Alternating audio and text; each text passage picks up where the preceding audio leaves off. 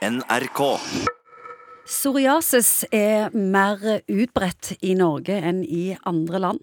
Opp mot 8% i Norge er ramma, mens det internasjonalt er bare om lag 2% Og da vet du, Morten Munkvik, hva jeg skal spørre deg om. Ja, hvorfor det? Nei, um, psoriasis er en sånn multifaktoriell sykdom som betyr at han er ikke bare én ting som gjør at man får psoriasis. Både arv og miljø, liksom. Ja. ja. Og det kan jo være litt av grunnen til at man ser det mer her i et lands enn andre plasser. At det der er visse vevstyper, sånne arvelige Det er visse vevstyper som er assosiert med psoriasis. Ganske kjapt så må jeg jo få deg til å forklare. Hva er egentlig eh, psoriasis? Ja, nei du, psoriasis er en kronisk betennelsestilstand i huden. Det er det det er. Men så er det mange hva skal jeg si, manifestasjoner. Altså Du kan se det på mange forskjellige andre organsystemer òg, men i utgangspunktet så er det en inflammasjonssykdom i huden. Hvordan ser det ut, og hvordan føles det? Veldig forskjellig fra pasient til pasient, og det er mange undertyper med psoriasis. Men den klassiske er jo at det der er store, sjeldne, rød, tykk hudparti over albuer og knær, rundt ankler og litt sånn forskjellige plasser, som flasser. Hvordan føles det å ha det?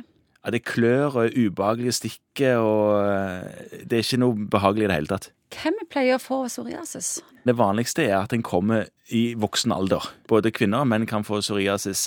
Mange av dem får òg leddvondt og leddproblemer. Noen kan få negleforandringer, og noen kan få problemer med flassing og tørr hodebunn, og, og har psoriasisen kun der, liksom. Ja, Så det henger sammen med andre sykdommer? Nei, mer det at andre sykdommer henger sammen med dette.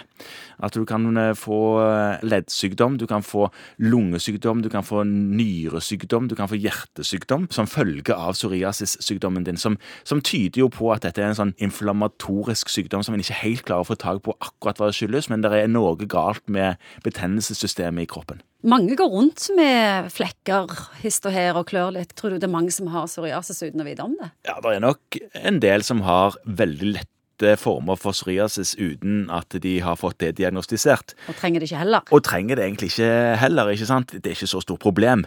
Men det vi ser noen ganger, det er jo det at de med psoriasis som òg har et alkoholproblem, de får mye verre psoriasis-symptomer når de drikker mye alkohol.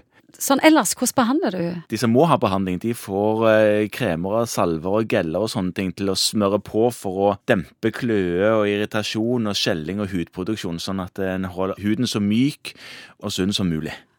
Og så er det jo det at eh, en del psoriasispasienter sier at det er kjempegunstig i solen og veldig bra å bade i saltvann og sånne ting, og blir mye bedre i den delen av året hvor det er mulig. Så er det noen som er såpass hardt påvirka både av psoriasis på huden og på negler i hodebunnen og kanskje sånne andre ting med andre systemer i kroppen som er påvirka, at de trenger behandling, altså tablettbehandling. Det fins òg. Det er ikke mange unger som har dette.